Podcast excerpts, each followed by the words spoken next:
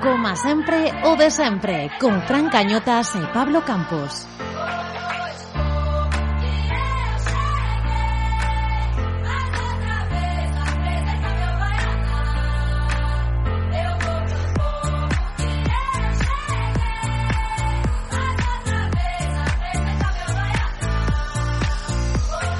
Ola, ola, moi boas, benvidos a este 24º episodio do noso podcast Celeste. Moi boas, Fran a tranquilidade.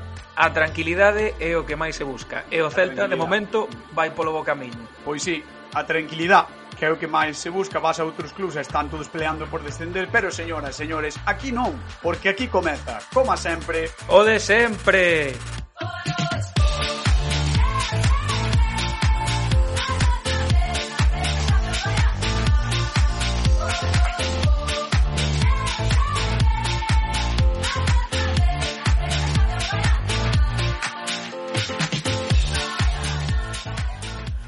rachou o maleficio de Mendizorroza en primeira división cunha cómoda vitoria por 1 a 3 grazas a un bo arranque e os erros defensivos do rival. En 12 minutos sentenzou o encontro. Robo de Denis, pasa atrás de Iago, Mina deixa a pasar en Olito, remacho ao fondo das redes, 6 goles e 6 asistencias nesta liga.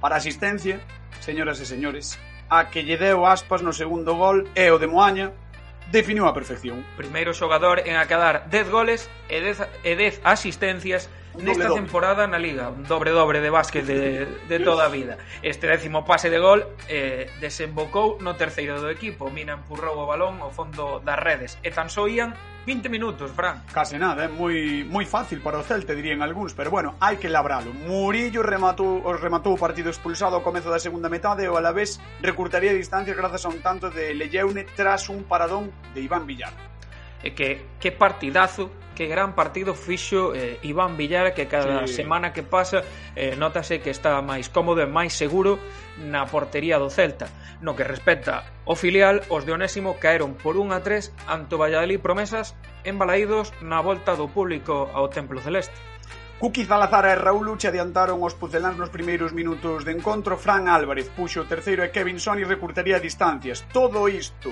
e moito máis, porque hoxe vai haber moito no noso tempo de análise.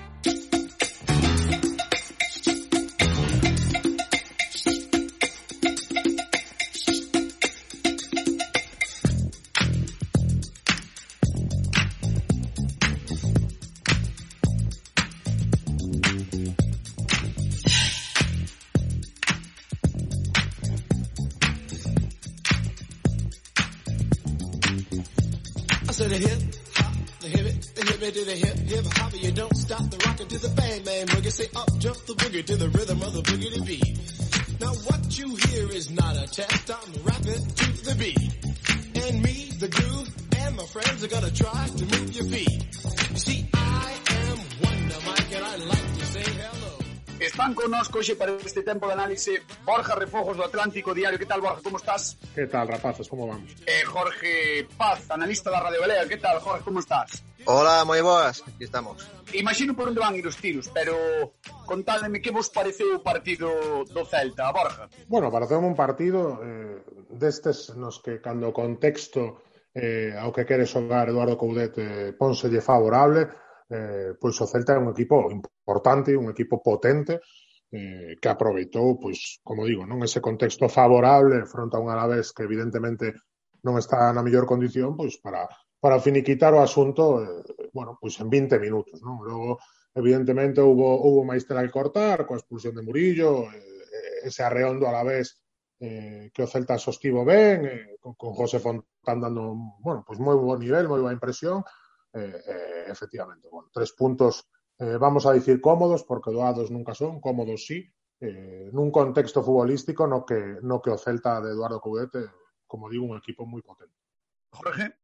Sí, home, o Celta aproveitou pois, a debilidade anímica que ten neste momento o Alavés eh, durante eh, eh 15 minutos prácticamente, entre, como dixo Abelardo, entre o 8 e o 20 pois o Alavés desapareceu do campo e aí, claro, o Celta coa calidade que ten con Santimina, Nolito, Aspas, eh, aproveitou moi ben esas cualidades que imprimiu Coudé de roubo, presión arriba e roubo eh, e sentenciou o partido con 0-3 moi difícil de remontar e despois prácticamente o partido tivo moi pouca historia historia que a emoción que eu quiso poñer pues, en esa xogada e, home, hubo un momento no que si o Alavés a mellor marca un 3 faltando media hora tal como é o Celta e tal como é ese campo para o Celta podía complicarse, pero vin o Alavés moi moi roto, peor Alavés anímicamente dos, dos últimos anos e o Celta pues, tuvo un partido pues, relativamente plácido para, para sacar tres puntos.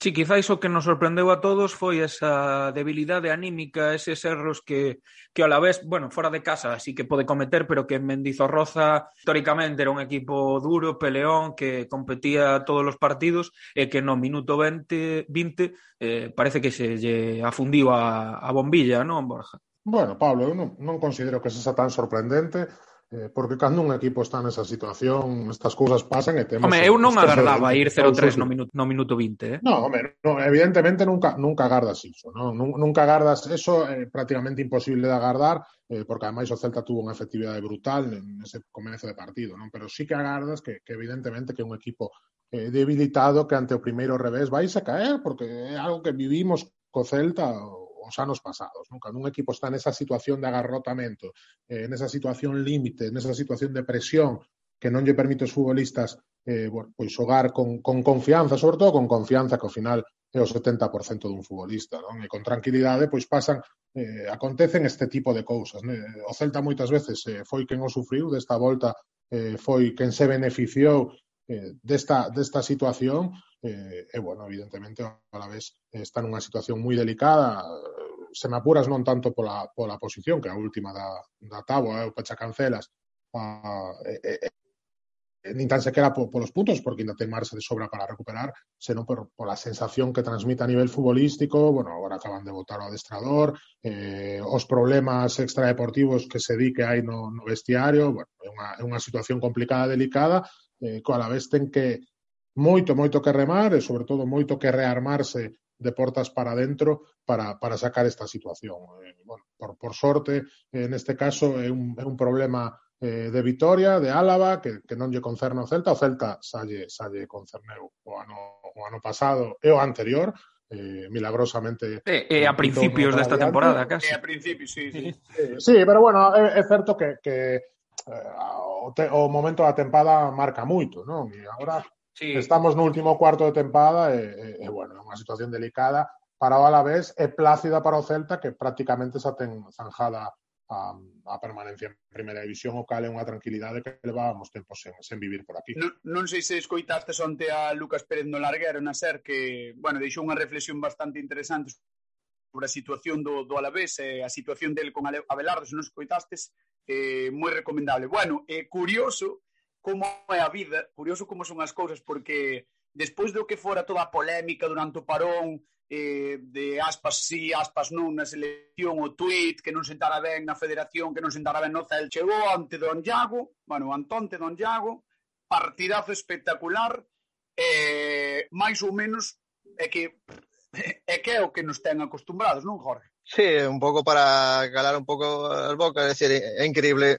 Home, creo que a gran maioría da afección, non só do Celta, sabe que, que, que Iago, non digo titular a selección, pero nunha convocatoria de 23 ten que estar, porque é o mellor xogador un diantero español dos últimos anos, ata a lesión que tuvo contra o Real Madrid, estaba sendo, sin dúbida, outra vez, o dos mellores dianteiros, Ora, a excusa que tiveron foi de que de, a partir de aí pues, non marcaba e que vai estar o rendemento. Que asistía, non? Claro. claro decir, cando está espectacular como estaba en novembro e decembro, non tiña pinta de ir á selección. E agora que parecía que vai estaba o seu rendemento goleador, pues eh, se lle acusaba de que non marcaba goles. Pero ahora como volva a, a, a coller a forma goleadora, pues, pues vai crear un problema outra vez a Luis Enrique, que está convencidísimo de non levalo, pero quizás si, si volve a coller o ritmo que tiña antes do, de, de Nadal, pues, home, bueno, ter máis complicado, porque non é comprensible. Que, que razóns dá para que non este Iago? Porque de, de, de o equipo, sabemos que hai outros xogadores veteranos que,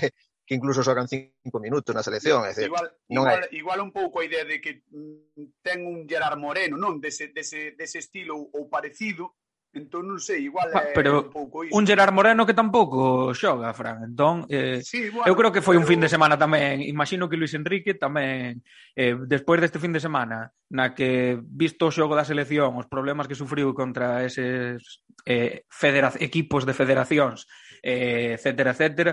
Eh, Gerard Moreno hat-trick, Aspas un gol e dúas asistencias. Creo que Luis Enrique, a min, o meu modo de ver, queda un pouquiño retratado. É un tema que, que de verdade para min non ten maior recorrido, eh, percorrido, perdón, é dicir, O sea, os números por unha banda están aí, e eh, para min incluso son secundarios. Eh, Iago Aspas outro día eh, o que fixo é o, o que é propio del, que é un xogador devastador eh, que pode desequilibrar un partido por si sí mesmo en calquera momento, pero sinceramente non é ni de longe o mellor partido de Iago Aspas nesta tempada, no, se me apuras, no, no. se me apuras incluso Eh, non é o mellor partido de Iago Aspas eh, neste 2021 no que levaba esta sequía sen marcar o que pasa que, bueno, agora o, os análisis tan someros, tan superficiais do fútbol que só se miden en números, en goles ou en asistencias evidentemente son importantes porque al final eh, que, que influe máis no xogo, non? Que, que, que un gol ou que ou que dar un sí, pero, gol. Que... Pero mira, Borja, diste, pero diste, pero a evidencia, perdona, Fran, a evidencia, a evidencia está aí, eh, quero dicir, o sea,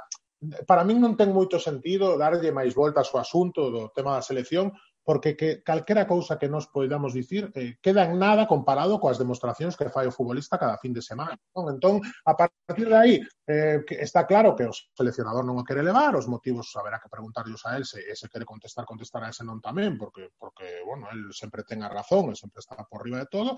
Entonces, eh, para mí non ten moita máis non é un asunto que non ten moito máis percorrido. Eu penso que calquera que eh, entenda un mínimo de fútbol ou que vesa un mínimo de fútbol, porque esa é outra, tamén se fala dos xogadores, vas a lista de, a lista de datos do futbolista, dos minutos, dos goles, das asistencias, e falas del sen, sen ver o millor 10 minutos do, do futbolista. Entón, bueno, pues, a, a realidade é aquí, é, todos sabemos, seguro que o seleccionador tamén, seguro que o seleccionador tamén ten razóns de peso, non o dubido, eh, para non levar allá o aspas, e a partir de aí, pues, non hai moito máis que dicir, de cesar que, que o futbolista eh, siga dando este nivel, que él siga pensando que se xoga este grandísimo nivel o van levar, porque sería bo para o Celta e bo para él, eh, eh, eh, nos a noso que disfrutar do futbolista cada, cada semana. Aspas, supoño que xa sabedes que chegou ao dobre dobre, non? Sería no baloncesto 10 goles, 10 asistencias, máximo asistente da Liga, agora mesmo dúas asistencias por riba de Crocs, de Crocs que leva oito, e bueno, non contamos os míticos pases que preceden a asistencia que xa sería meterse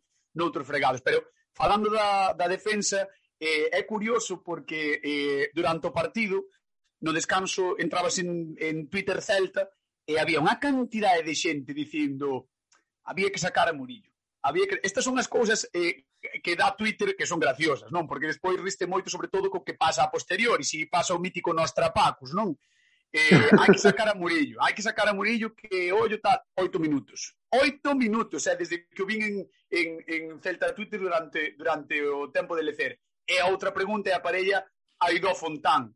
Eh, como vistes a Fontán? Como vistes? Como credes que está eh, Aido, que vos pareceu o, o que pasou con respecto á defensa no, no partido, Jorge? Home, mm, sí, o, de, o que dices no descanso de Murillo, me, que tiña toda a sensación de que de que a mínima non estaba moi, moi centrado e que arriscaba moito a, ao cartón. O que pasa que tamén, bueno, meter a Fontán por esa situación era un pouco arriscado no descanso. Despois o que falas de que Fontán, de Fontán non tivo moitos minutos, ou moitos partidos de lateral, a mí de lateral pois non me, non me convence demasiado, pero outro día cumpliu, que demostrou que a veces a ver, os xogadores que necesitan un pouco de confianza, de xogar varios minutos seguidos, non é mesmo xogar 5 ou 10 minutos con partido sentenciado, outro día tivo algún minutos máis, eh, foi dato positivo de que, bueno, tal como asediou aí Balos Aéreos o Alavés, cumpliu unha parella inédita, porque non sei se aí dúe tan coincidiron nunca, un pouco, porque, bueno, metía un pouco de medo esos minutos cos dous, pero sobre todo Fontán cumpliu, eh, porque a ver, como, como central, é un central de, que promete, un central, con, bueno, aseado, con saída de balón decente, es decir, que, que foi unha das grandes noticias de que podemos ter un central aí, sobre todo para este partido con Sevilla, pero para máis adiante tamén. Agardas, Borja, que sexa parella titular contra o Sevilla, se non chega a Araujo? Home, que outra cousa sería unha sorpresa. Non, non? Claro. Quero dicir, home, sempre hai solucións, non? Eh, pois mira, Tapia ten xogado de central en Holanda moitas veces, mesmo o propio Hugo Mayo nun momento dado pode xogar de central e meter a Kevin Aló, Pero bueno, coido que coa situación, eh, evidentemente, estamos a falar tan desafogada do Celta na, na táboa eh, e tendo dous centrales específicos que ademais misturan moi ben, un é zurdo e outro é de, de, dereito, un é moi contundente e outro é máis fino, bueno, penso que ademais, tendo en conta eh, que Murillo está cedido e que bueno, non temos a certeza de que vai a seguir o ano que ven, de feito penso que ten bastantes probabilidades de non seguir o ano que ven, eh, é importante aproveitar esta situación desafogada, insisto, para, para darlle minutos e para darlle valor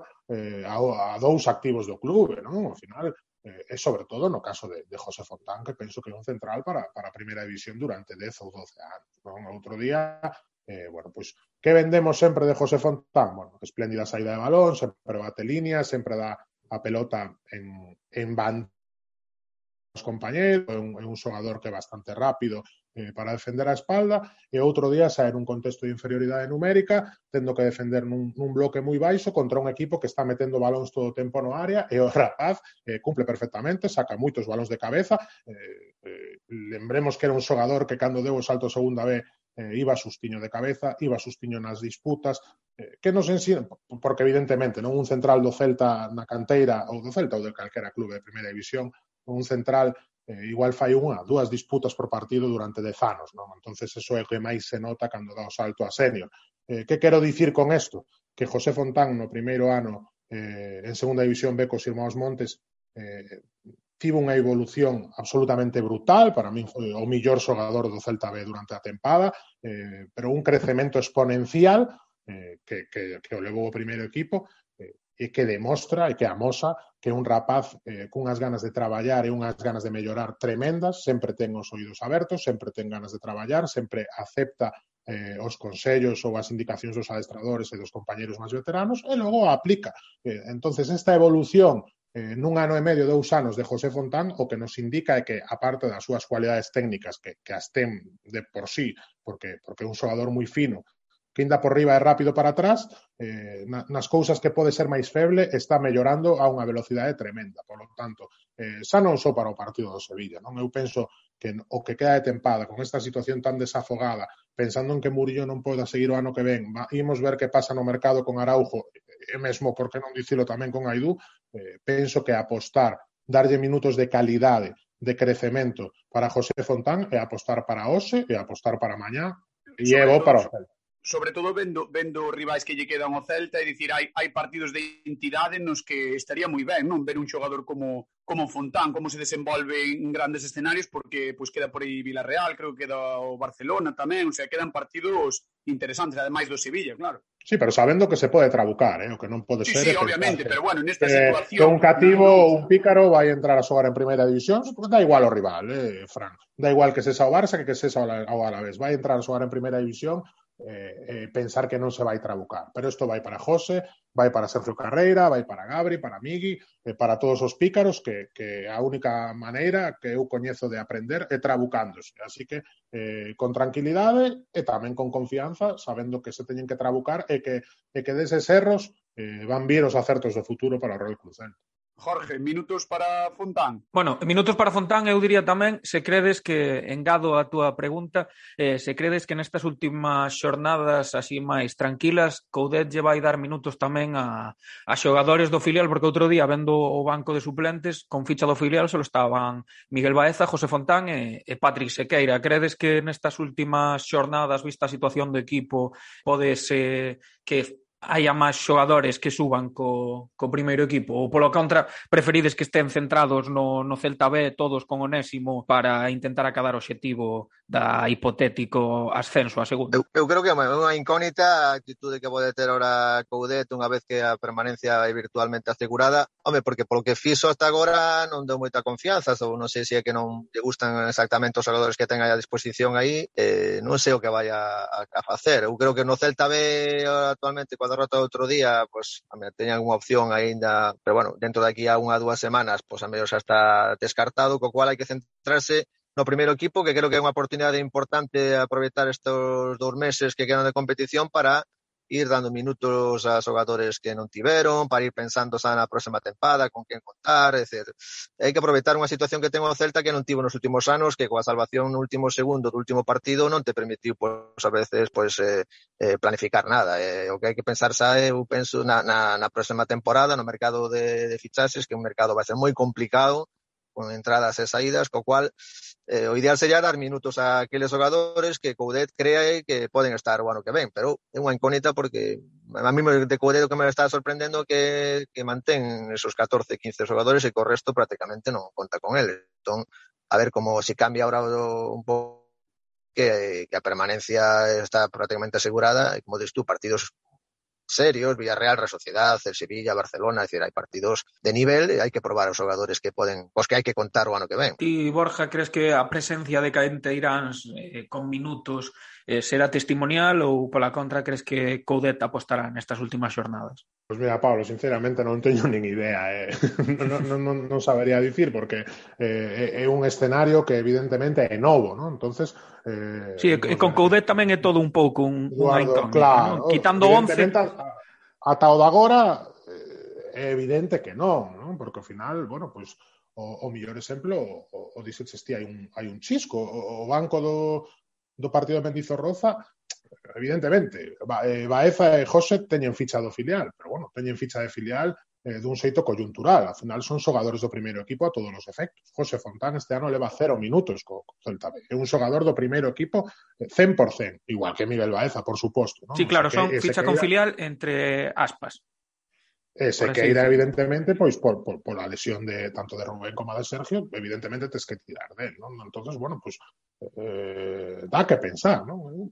A ver, eu son xa, xa todos os sabedes que son un gran fan e un, un gran apostador pola canteira e sobre todo cando, cando ven unha fornada bueno, de, de, de moito nivel, evidentemente para min José Fontán e Sergio Carreira eh, son as dúas puntas de lanza desta xeración, creo que van ser xogadores de primeira división moitos anos, o Gallases ano Celta, e logo hai varios xogadores eh, algo máis novos, eh, que teñen un potencial brutal, ademais de, evidentemente, eh, as dúas fichases que, que sí que deron un salto de calidad ao Celta este ano, que son Alfon e Holsgrove, eh, bueno, tamén por incluir o porteiro a Sequeira, que evidentemente eh, pois foi un, un, un acerto.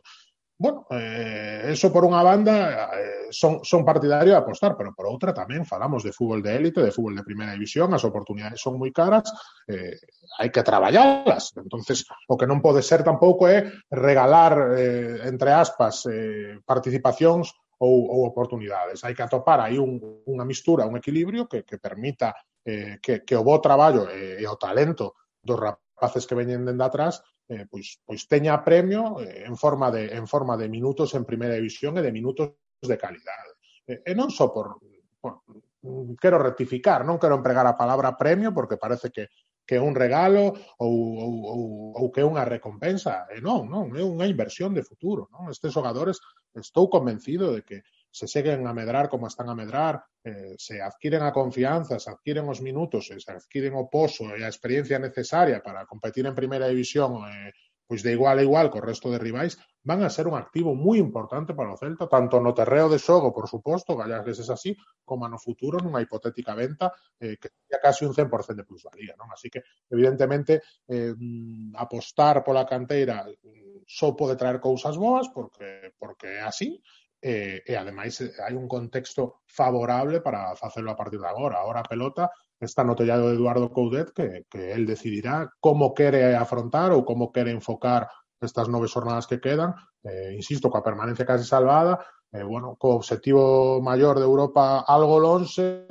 pero bueno, no, nunca se sabe, ¿no? Nunca se sabe, non no quero, si se pode pescar. quero desbotalo, está claro, pero bueno, evidentemente eh, eu penso que as nove xornadas que quedan o, o obxectivo debe ser pois que, que o adestrador siga mellorando, siga desenvolvendo o seu sistema de xogo, a súa idea de xogo, eh, que siga eh, engadíndolle matices eh, ou novidades, eh, tanto a nivel táctico como a nivel de nomes, eh, de cara a, pues, pues, a construir un Celta 2021-2022 máis forte, máis competitivo e millor, que ao final é do que vai o deporte, millorar dun ano para outro. Un 3 gañou o Celta en Mendizorroza e un 3 perdeu o Celta B embalaídos na volta do público, non? Imagino que vos xa estivestes eh, nalgún que outro partido ao que poderades acceder como, como prensa, non sei, eh, embalaídos, non sei, como vistes a volta do público a Balaídos, evidentemente como vistes o Celta B, porque se dicimos que o Celta gañou en 20 minutos por, xa, xa tiña o partido encarrilado, pois o Valladolid Promesas en 24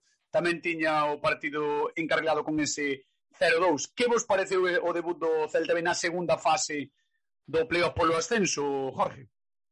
Home, un pouco decepcionante, eu pude volver, eu volvín a Balaídos despois de era a primeira vez que entraba, eh, despois de casi an, de ano e medio. Persinaxeste, contra. No, foi, foi emocionante, foi como a primeira vez fai 35 anos, eh, realmente. Unha Home, creo, creo que habería máis xente daquela vez, non? Sí, no, pero a nivel era como era como a, como entrar na primeira vez, os que estábamos ali, pues, eh, se veía moita xente emocionada por volver, que sí. que foi era, a, a min dame, a min dá má sensación eh, nos campos que puiden ir así despois de moito tempo, que é como, como ir a misa, sabes? É como volver, eu que non son nada religioso, pero é como cando de neno ibas a misa e vías ali que se xuntaba toda a xente e diste, pois mira, un pouco así volver volver a Valeiros. Contanos, contanos como foi para ti entón esa, esa experiencia quasi religiosa. Pois sí, emocionante ao principio, mentre non rodou o balón, e ver como... sí, despois tuvo un paralelismo parte parecido co partido do primeiro equipo, porque sí, foi un 0 a 3 que sentenciou o partido, e eh, despois unha balanza dominio de xogo do, do Celta B. Es decir, todo estuvo marcado polo erro no primeiro gol, na salida de Markel, na, que, que recordaba os partidos, de, a veces eu un momento que pensei que estaba vendo o primeiro equipo, porque Os dos primeiros goles eran eh, os típicos erros que tuvemos nas últimas jornadas en saída de balón, sobre todo o primeiro. Entón marcou moito ese 0-1, sobre todo despois do 0-2. O equipo, a mí gustoume na segunda parte, na segunda parte incluso eu pensei, pensamos todos ali que, que se podía chegar a empatar, porque hubo ocasións para poder empatar. O que pasa que só se conseguiu ese goliño na segunda metade, eh, logo xa non hubo tempo. Aí foi o equipo soltouse, xa con non tanta presión. Hai xente que critica o de xogar en Balaídos, pero que en Barreiro os resultados e o xogo tampouco estaban sendo do mellor nas últimas semanas. Eu creo que, que o equipo ten que xogar mellor en Balaídos, son xogadores que, que necesitan eh, ese espacio. O que pasa que, bueno, costoulle pues, mellor ao principio, pues, os primeiros minutos eh, esa adaptación a, a Balaídos, bueno, notaron a presión, un pouco de nerviosismo e logo lembrar que o Valladolid B é un equipo moi ben feito, a min gustoume moito. Equipazo, sí, sí. Eh, tengo, bueno, varios xogadores que estuveron o sábado en Balaídos estuveron onte no Noucán, non, non chegaron a entrar, o fillo de Salazar, por exemplo, eh, bueno, é, dicir, é un equipo moi traballado o Valladolid, con outro estilo de xogo, pero gustoume moito, foi, bueno, controlou, supo frenar a, ao Celta B na primeira metade e eh, na segunda non lle deu tempo, pero bueno, o Celta B sigue demostrando Home, Mm, como bloque, como estilo de xogo, ainda non lle pediu o punto a que xogan. A veces é un pouco incógnita porque porque non sabe moi ben, cambia moito Onésimo, a veces o, bueno, de xogadores, pero a veces non sabe moi ben os cambios, que uno non se entende moito a veces, pero hai xogadores, claro, de calidade. Por exemplo, que fala de Sergio Carreira, do que está aí, un xogadorazo. Pena que o Celta sempre este con lateral dereito, que nos fai falta un lateral esquerdo algunha vez, que é unha Eh, a ver se vamos ter que bater como con Johnny e reconvertilo, porque... Bueno, por certo, dende de aquí un bicazo pa Johnny, porque outra vez outra vez partir eh, o cruzado, ademais partiu o cruzado é outro ligamento máis. Creo que partiu por dous sitios, así que toda a sorte do mundo, toda a forza, porque se, ademais, volver romper igual, despois de, to de todo o proceso de recuperación, ten que estar destrozado, así que mandamoslle moitísimo, moitísimo ánimo dende aquí. Remata, Jorge, que te cortei. No, no, decía eso, que sí, que o Celta B, pois eu creo que, que bueno, non costoulle meterse no partido, despois foi a remolque, non lle deu tempo, pero gustoume a reacción final e que demostrou que, que ten calidade aí en varios xogadores. O que pasa que complícase bastante o feito de meterse no, no playoff, pero bueno, xa o conseguido é, é un logro. Eh, ahora o que hai que facer igual que no primeiro equipo, pois pues, de ir preparando os xogadores para a a tempada. Uh -huh. E ti, Borja? Bueno, eu penso que, que o partido que imaginou o Celta para, para o Celta B o levar o partido a Balaídos foi o que aconteceu exactamente ao revés, non? Para, para o Real Valladolid B, o Valladolid Promesas, que, bueno, armou un, armou un taco en Balaídos eh, pois aproveitando precisamente as virtudes que agardaba aproveitar ah, ao Celta B. Bueno, eu penso que a clave a deu Jorge hai un chisco Eh, ás veces esquecemos que, que este xogo tan maravilloso xogan dous equipos eh, e outro equipo ten como mínimo como mínimo tantas ganas de gañar como a ti non? entón eh, levouse o partido a Balaídos eh, bueno, con bo criterio sabendo que evidentemente eh, para o Celta B ter espacios é, é mellor que non telos pero, pero evidentemente para os equipos rivais tamén é moito mellor eh, ter espazos que, que non telos non? e ao final eh, o Pucela aproveitou eh, todos esos espazos para, para transitar maravillosamente ben eh, e bueno, vamos a ver se, se os outros dous partidos se xogan embalaídos porque, por exemplo, a cultura leonesa é un equipo cun, cun trato excelente da pelota eh, en un, nun contexto de moitos espacios, evidentemente, non? Se, se eres capaz de quitarlle e correr, vas a facer dano pero se non eres capaz de quitarlla tamén vas a sufrir porque vas a ter máis metros que defender, non? Ao final, eu non son, non estou nin a favor nin en contra, non? De que se xogue en Balaídos ou en Barreiro. Eh, penso que eh, os dous campos mm, teñen pros e teñen contras. O que estou, sí que estou un pouco en contra é pensar que simplemente por cambiar terreno de xogo eh, sí, vas que a pasar cambiar de ser, radicalmente a forma de ah, xogar claro, ou de... Vas a pasar, efectivamente, sí, sí, vas a pasar de ser un equipo de preferente a ser o Bayern de Múnich. Non? Non, o fútbol é non é, o, o Gallá, o Gallá fose tan doado, eh, e o Gallá fose sempre así, porque se, deste, deste xeito, simplemente compoñer todos os partidos en Balaídos, o Celta B eh, xa sería agora como Burgos e estaría prácticamente no, no playoff de ascenso. Desgraciadamente non é así, hai pedra que picar, hai pedra que traballar, eh, evidentemente o Celta B eh, o superou un equipo coas súas propias armas. Non? O Celta B ten ten, ten problemas para, para levar o peso do partido, eh, cando non pode correr eh, ten problemas e cando lle corren a él ten moitos máis problemas, pero bueno, evidentemente o obxectivo eh, que era o billete ou a clasificación para a primeira federación está acabado e agora a seguir mellorando. Que non é un ascenso, Recordemos, no, eh, Borja, que moito che gusta no, dicilo. Para, eu son eu o, o idioma ou os idiomas son as nosas ferramentas de traballo e eu coido que pasar de xogar na terceira categoría de fútbol español a xogar, a xogar na terceira, na terceira, cuarta, hai diferencia. No, Non é un ascenso, pero evidentemente a partir de aí podemos engadir os matices que queramos, porque lógicamente a nova primeira federación non vai ser igual que a, que a tradicional sí, segunda. Pero... Porque hai a mitad de equipos, vai ser máis competitivo, pero non, de verdad, que non pode ser dicir que claro. Borja, a mí moléstame un pouco eh, a rotundidade coa que afirmamos os medios eh, e tamén a, a propia federación e, eh, e os arredores da, da, da federación de grupo de ascenso Non, que se chama o grupo de ascenso, o grupo eh, de... Eu chamolle... Fran, claro. propoño, propoño unha idea que emprego eu que é ruta ruta polo ascenso, ruta pola sí, sí, sí, porque ao final eh, as segundas fases cada un vai por un por un roteiro, non? Entón, sí, sí, sí, por un camiño. Entonces penso que empregar eh, esa verba eh, se cadra máis apropiado eh, que ruta, eh, o sea, que fase pola permanencia ou, ou, ou fase de ascenso. A fase de ascenso vai ser cando acabe esta segunda fase, que os 16 millores equipos peleen no playoff tradicional, bueno, non vai ser tradicional porque é un partido, etcétera, etcétera, pero va a ser eso é a fase de ascenso o demais, bueno, sabemos que hai que cada un retorce o relato ou emprega eh, as, as verbas eh, ou as palabras que millor lle vai para, para vender o, o que quere vender, pero bueno, evidentemente tendo en conta que a primeira federación vai ser unha liga máis potente que a segunda división B, porque é lógico, porque vai ter 40 equipos eh, en troques de 80 ou deste ano 102, eh, vai ser millor, vai ter máis nivel, vai estar máis perto do profesionalismo, o que queiramos, pero para xogar en primeira división mm, sigues precisando dous ascensos. Entonces,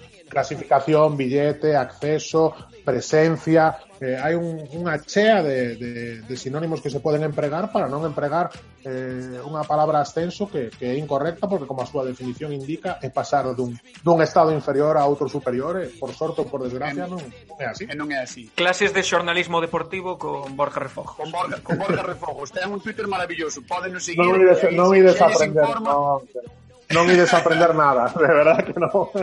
Rápidamente que nos quedan tres minutiños. Imos falar agora con un clásico histórico, mítico, do Celta con Aritz López Garay. Queredes lle deixar así algunha pregunta ou algunha cuestión que vos inquede por dentro, Jorge? O, si, a me mellor xa conto máis veces, pero que pasou na semana aquela do Celta Córdoba? Oh. Do ascenso del 12. Sí, o do, o do, que se... o do biscoto, non? Sí, bueno, xa sabemos que... Biscoto, que non vai dicir que foi un biscoto, pero a semana do biscoto. Sí, bueno, que se, que se viviu aí nos dos vestiarios. Eh, bueno, claro, que... A ver, pasado... Sí, que curioso sí, sí, porque... Estar el viña sí, de estar o ano anterior no Celta entón, claro. eh, era como supoño que tería moitísimo contacto co vestiario do Celta. Sería unha, se, unha semana ah, bastante curiosa. Verá que preguntarlle por iso. Eh, ti Borja que queres preguntarlle? Bueno mm, se me permitides preguntaríalle algo máis táctico máis de fútbol en referencia a cando el xogaba, cando el era xogador e facía ese doble pivote con Bustos, que agora, se non estou trabacado, traballan xuntos no, ou traballaban, non sei se siguen xuntos, non? Pero coido, coido que, que, que polo menos un tempo fixeron tándem táctico ou técnico, entón preguntaríalle, non? Como, como el viu que evoluiu o fútbol dende que el era xogador, facía ese doble pivote con Bustos, a veces os equipos partíanse moito, verdad? Xogábase moito 4-2-3-1 e, e, os, e os 4 defensas e os dous do medio partíanse cos, cos 4 de diante. E eh, como, como el percibe que evoluiu o fútbol dende que era xogador agora que, que adestrador e eh, penso que, que se xoga moito máis xunto ca. Bueno, pois aí quedan as vosas preguntas. Borja Refojos de Atlántico, de Atlántico Diario, moitísimas grazas por estar no como sempre de sempre. Unha aperta, rapaces, como sempre de sempre eh, Jorge Paz, analista da Radio Galega, moitísimas grazas, tamén é un placer terte por aquí, deixamos ir a clase, que xa son horas, eh? Sí, sí, en cinco minutos hai que volver. Joder, Gracias a vos. hora do café, somos un desastre, unha aperta. Unha aperta. Veña, unha aperta. Unha aperta.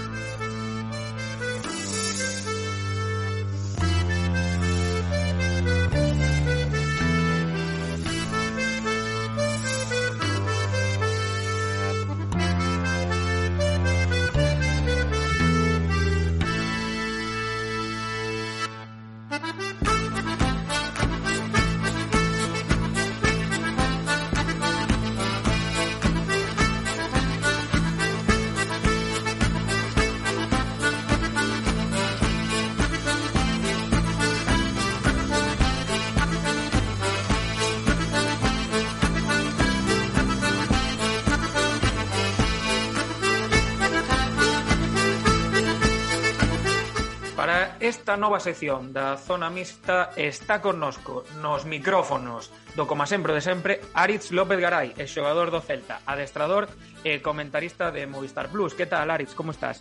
Buenas tardes, moi bien. Que tal levas estes estes meses de, de pandemia un poquinho máis agora non alexado do fútbol, pero sí que non vivindo tanto dende, dende dentro? Bueno, pues padeciendo un poco la pandemia como todo el mundo, ¿no? Gracias a Dios en los temas familiares no hemos tenido ninguna, ningún percance y eso es muy importante, pero sí es verdad que la pandemia está afectando, bueno, a la sociedad y, qué decir del fútbol y a sus aficiones, ¿no? Y en ese sentido, pues bueno, instalado en Bilbao, eh, siguiendo mucho la segunda división, siguiendo el Celta de los equipos de primera a los que tengo cierta simpatía y luego, bueno, pues informándome de todo lo que va sucediendo.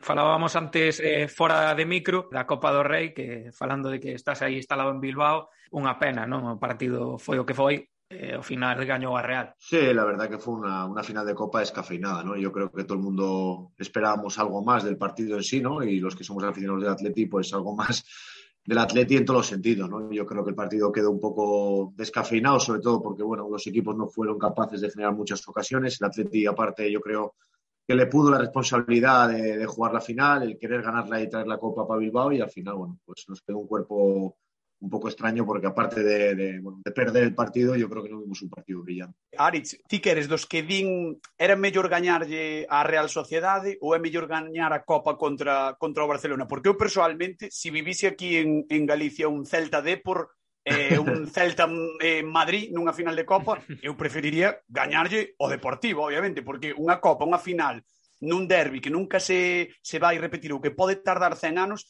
eso é espectacular dentro de que a rivalidade sexa pois como é a, riva- a rivalidade hoxe en día, non? Eh, con moita amizade e demais, pero eu creo, non sei se para ti era mellor por gañarlle a Real ou gañarlle ao Barça. Obviamente as dúas. Sí, no, por supuesto, obviamente dues, pero como dices tú, eh, siempre más especial ganar un poco a- al vecino, ¿no? Sí es verdad que aquí en el País Vasco el derby se vive diferente a otras ciudades en el que ves más tensión o más... Sí, sí. No, no, no sé si la palabra es odio entre aficiones, entre, entre clubes, pero sí es verdad que aquí la hermandad existe, pero sí es verdad que, por supuesto, es mucho, mucho más gratificante ganar a la Real que, que ganar al Barcelona, ¿no? Pero bueno, no pudo ser y ahora lo que tiene que, bueno, lo que, tiene que hacer el Atleti es el próximo que viene, que pase un partido en complicado contra o Barcelona. E xa falando un pouquiño da, da túa etapa no Celta, xogaches dúas temporadas en Vigo, que, que recordos, que, que lembras de, de aqueles anos en, no Celta? Pues bueno, fueron todos recuerdos positivos, recuerdos súper especiales, excepto el partido de Granada, ¿no? El del, de, ese fue un recuerdo muy cruel, ¿no? Pero yo recuerdo las dos temporadas como dos temporadas preciosas, muy diferentes, porque la primera fue muy complicada, porque bueno, veníamos o venía el club de pasar una temporada anterior muy complicada, en la que ya Guaspas apareció a última hora y los, goles, los goles contra la vez, pues bueno, eh, hizo que el Celta siguiera en segunda y a partir de ese año, pues bueno, eh, entre los jóvenes que emergían, que aún siguen en el primer equipo, algunos de ellos, de los cuales me alegro y con, con, con alguno más contacto, y llegamos, pues bueno, una camada de jugadores más veteranos, más, con más partidos tal vez de segunda, más hechos, y el primer año sí que fue fue complicado con Eusebio, pero conseguimos solventarlo y el siguiente año con Paco Herrera, pues yo creo que ya el equipo cimentó un poco las bases de lo que al siguiente consiguió que se fue, fuese ascenso. ¿no? Pero yo tengo los recuerdos que tengo de Vigo, del Celta y de toda su gente, para mí son inolvidables porque aparte de sentirme moi ben en lo personal, en lo deportivo creo que, que foi bonito. Falando de, de Granada, eu estive nese partido nos Cármenes, eu eh, realmente creo que foi un partido que marcou a, toda, a todo o celtismo, a toda unha xeración de, de celtistas eh, xoves, como era eu naquelas que tiña 16, 17 anos, eh, creo que, que que eu non vivín unha, unha tolemia igual os días previos, ou a viaxe, ou ir ao campo, e ter que ir aí escoltados pola policía, porque a, había un ambiente de tensión sí. que se creara todo. Sí. Eu, eu, a verdade, que non... Mira que, que viaxei eh, co Celta, non recordo un partido eh, igual. Era un playoff que era parte o primeiro ano que, que se disputaba o playoff despois de moitísimas temporadas. Eu creo que, que, que foi unha auténtica tolemia. Sí, la verdad que fue un partido, una eliminatoria muy dura, ¿no? En Vigo fuimos capaces de ganar con gol de Michu, en el que hicimos un partido brillante.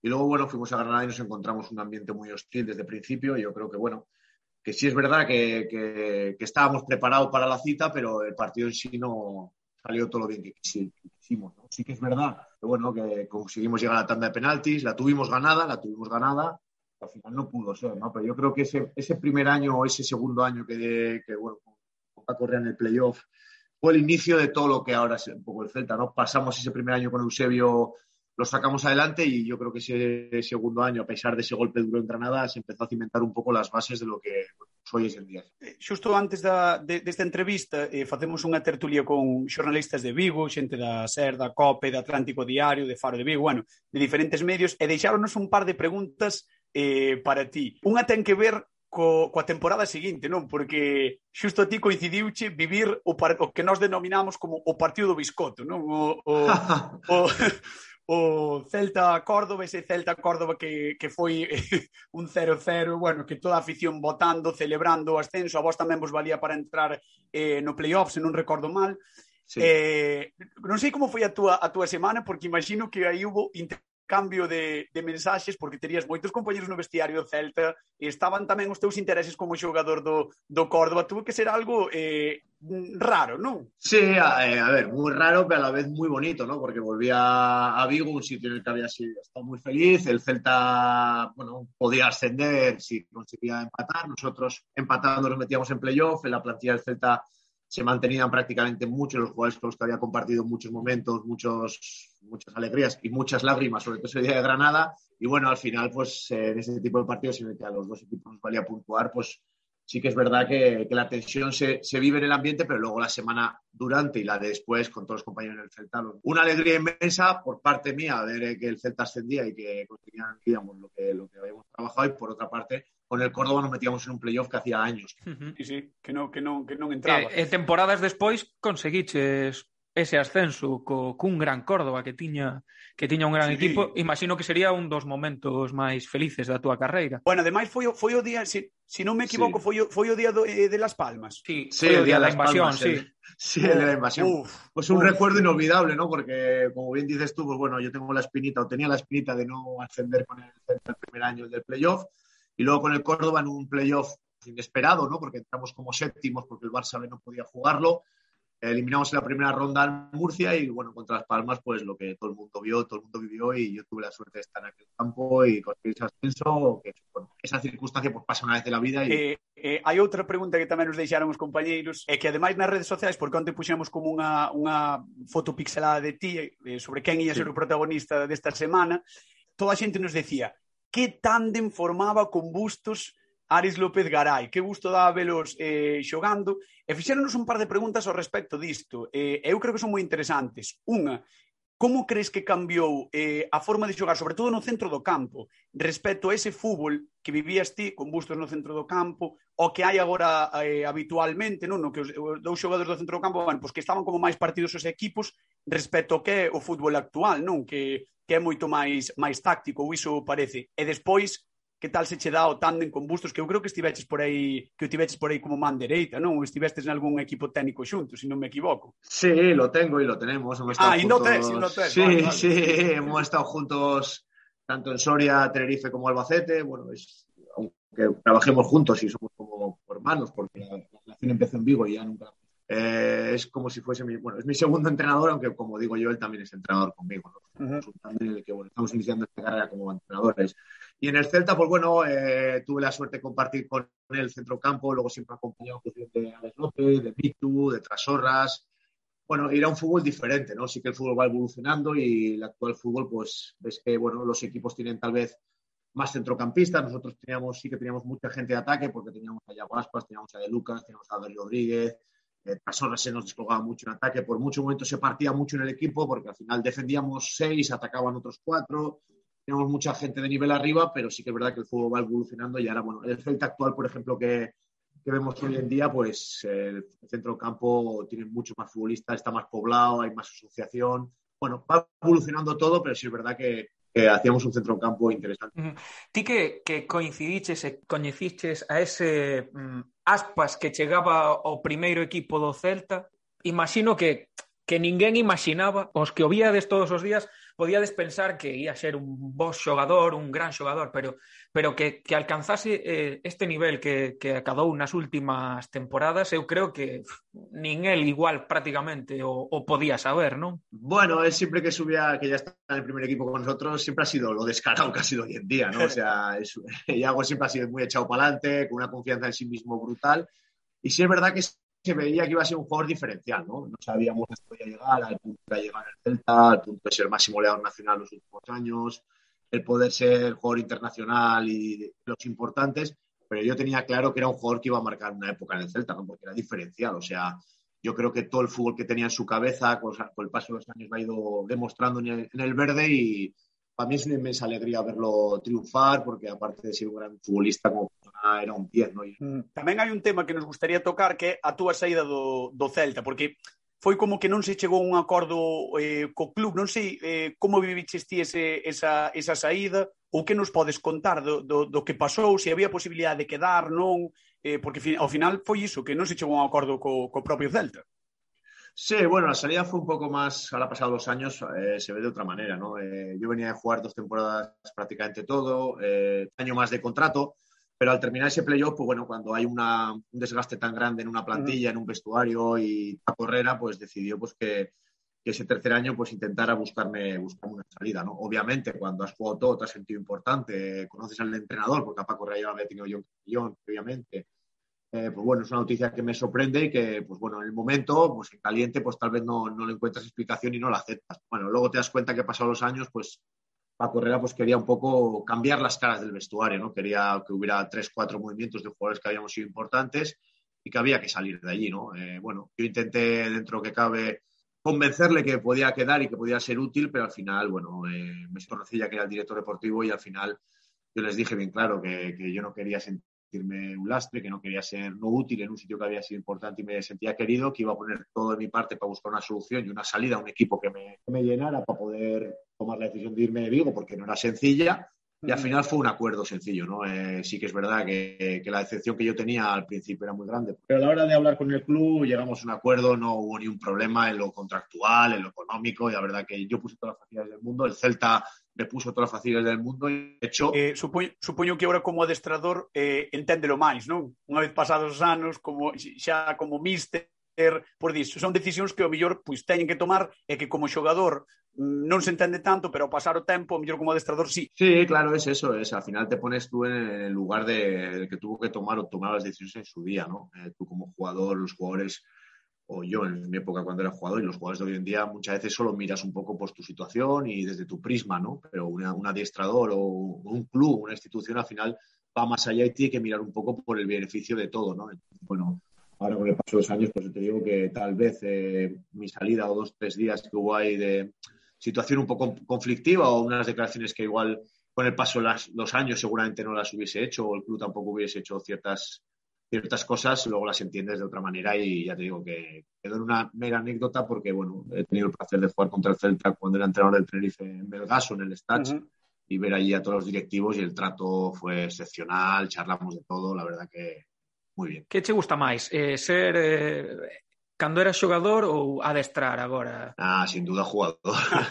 la época de jugador era lo máis bonito del fútbol, no tiene nada que ver. Eh, fo, de entrenador se pasa moi mal, tienes muchas preocupaciones, tienes muchas más responsabilidades. De jugador era todo comillas idílico e estar en el campo e ser protagonista dentro do fútbol é o bonito. Eh? Eh, eh, eu, creo, eu creo que o de, o de Mister é un pouco por, por que, que vos pasa a moitos xogadores por seguir, por quitar o mono, non? De, de, de, de exxogador sí. Eh, aínda que sexa unha carreira profesional que vos gusta a todos, ao final sempre é como, bueno, ahora que xa non podo xogar, pois a ver se podo adestrar, polo menos, xa que me gusta, non? Sí, llega un momento en la carrera futbolista ya se va agotando y sabes que, tienes que, seguir la vida, ¿no? Eres, mayor, como digo yo, para ser futbolista, pero eres joven para la vida, ¿no? Entonces, bueno, al final yo como estado ligado toda la vida al fútbol, pues es, entre comillas, lo, único, lo que mejor sé hacer, ¿no? Entonces, bueno, eh, valoras un poco las posibilidades que te ofrece el mercado, piensas un poco hacia dónde quieres tirar tu carrera una vez terminado el fútbol y yo tenía claro, pues, que, bueno, que me, que me apasionaste dentro del equipo fue bien, bueno, y me puse a ello y la verdad que de momento está siendo todo positivo sabiendo la dificultad que tiene dentro. entrenador. Sí, sí, esa dificultad que, por exemplo,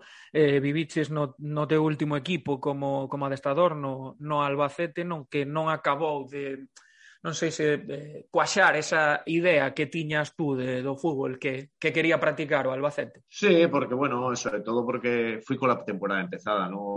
Es diferente cuando coges un equipo con toda la pretemporada por delante, eh, siendo partícipe de la confección de plantilla, es totalmente diferente, ¿no? En Albacete me encuentro en una situación complicada, así que es verdad que lleva el equipo muy pocos partidos, pero venía de un año anterior también muy complicado, llevaba muy pocos puntos, iba último y bueno, y cogí el reto junto a Cristian e intentamos, bueno, pues poder sacarlo de ahí abajo. Al principio reaccionamos, conseguimos salir un poco adelante, pero sí que es verdad que Luego se juntó mucho partido entre semana, el miércoles, sábado, miércoles, sábado, y la plantilla, bueno, se nos volvió a caer y al final, bueno, el club tomó la decisión de, de nuestros servicios. Pero bueno, son experiencias que te deja como entrenador. Nunca había entrenado un equipo empezada la temporada, porque tanto en Reus, Soria y Tenerife lo había hecho desde, desde el inicio y, bueno. Eh, eu vou dicir unha cousa, eu estou moi contento, eu creo que o celtismo está moi contento co, co Chacho Cudeta, además, pasa que no Celta gusta moito o, o adestrador argentino, non é o xogador argentino últimamente, pero eu que queres que che diga? Eu un adestrador vasco dentro dunhos anos co carácter que tedes, tal como sodes, co ben que se levan os, os vascos máis os galegos, eu creo que, que cadraría ben, eh?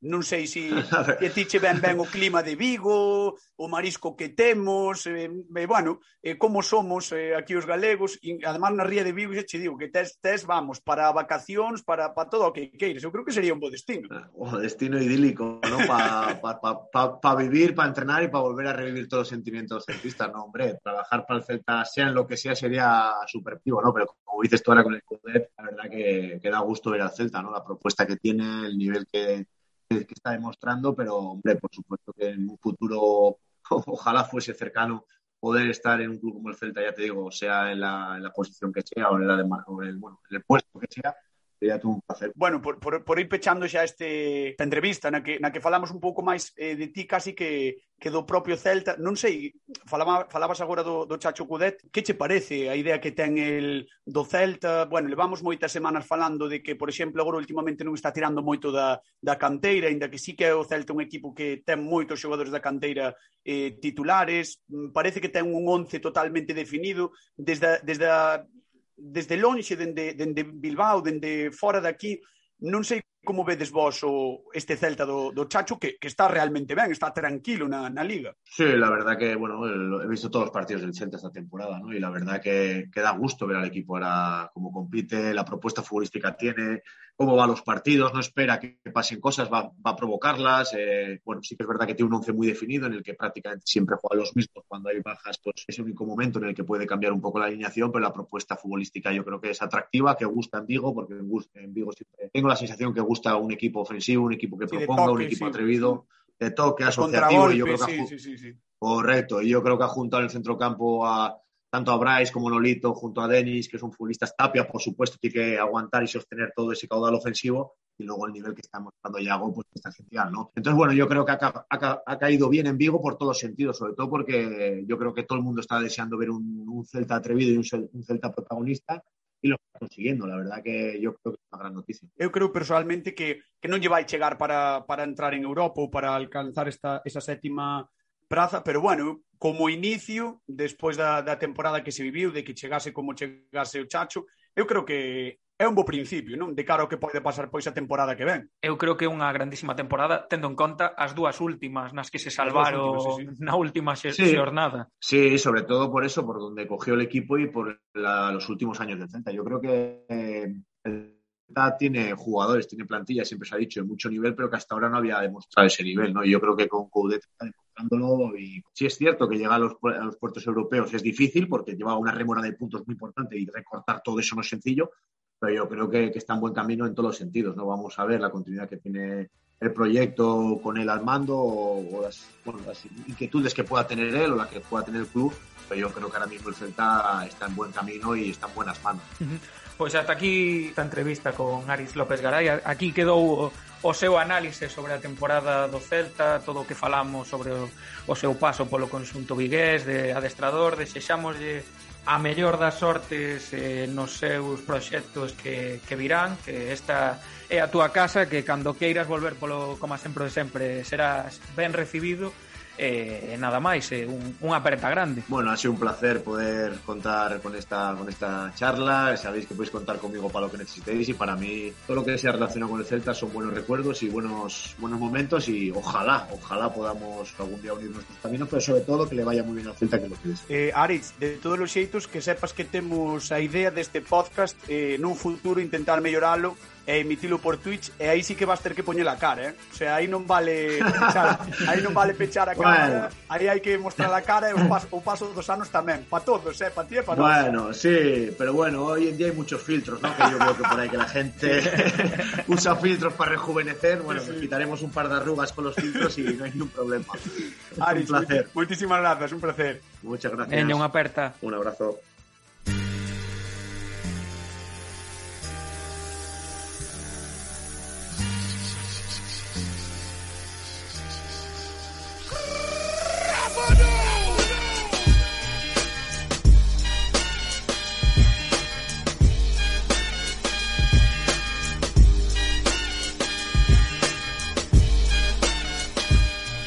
O Celta xogará o próximo luns ante o Sevilla en Baleiros co obxectivo de manter as boas sensacións de victoria. Os sevillanos veñen de gañar ao líder no Pijuán e están a oito do Atleti nunha suposta suposta Post, loita entre pola aspas, Liga. Entre aspas, decir, entre aspas.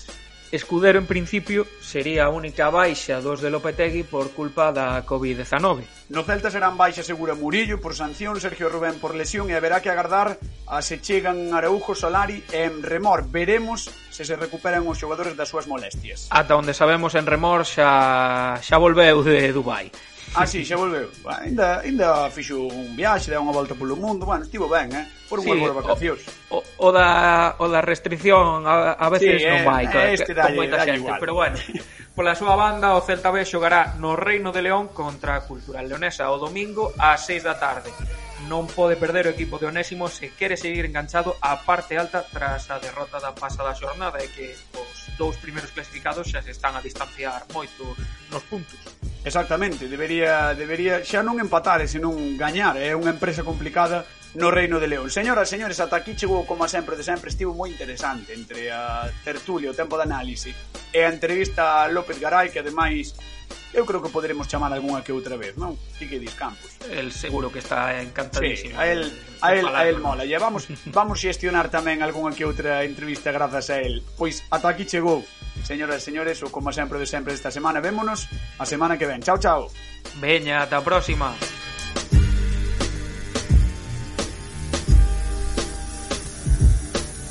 Coma sempre o de sempre, con Fran Cañotas e Pablo Campos.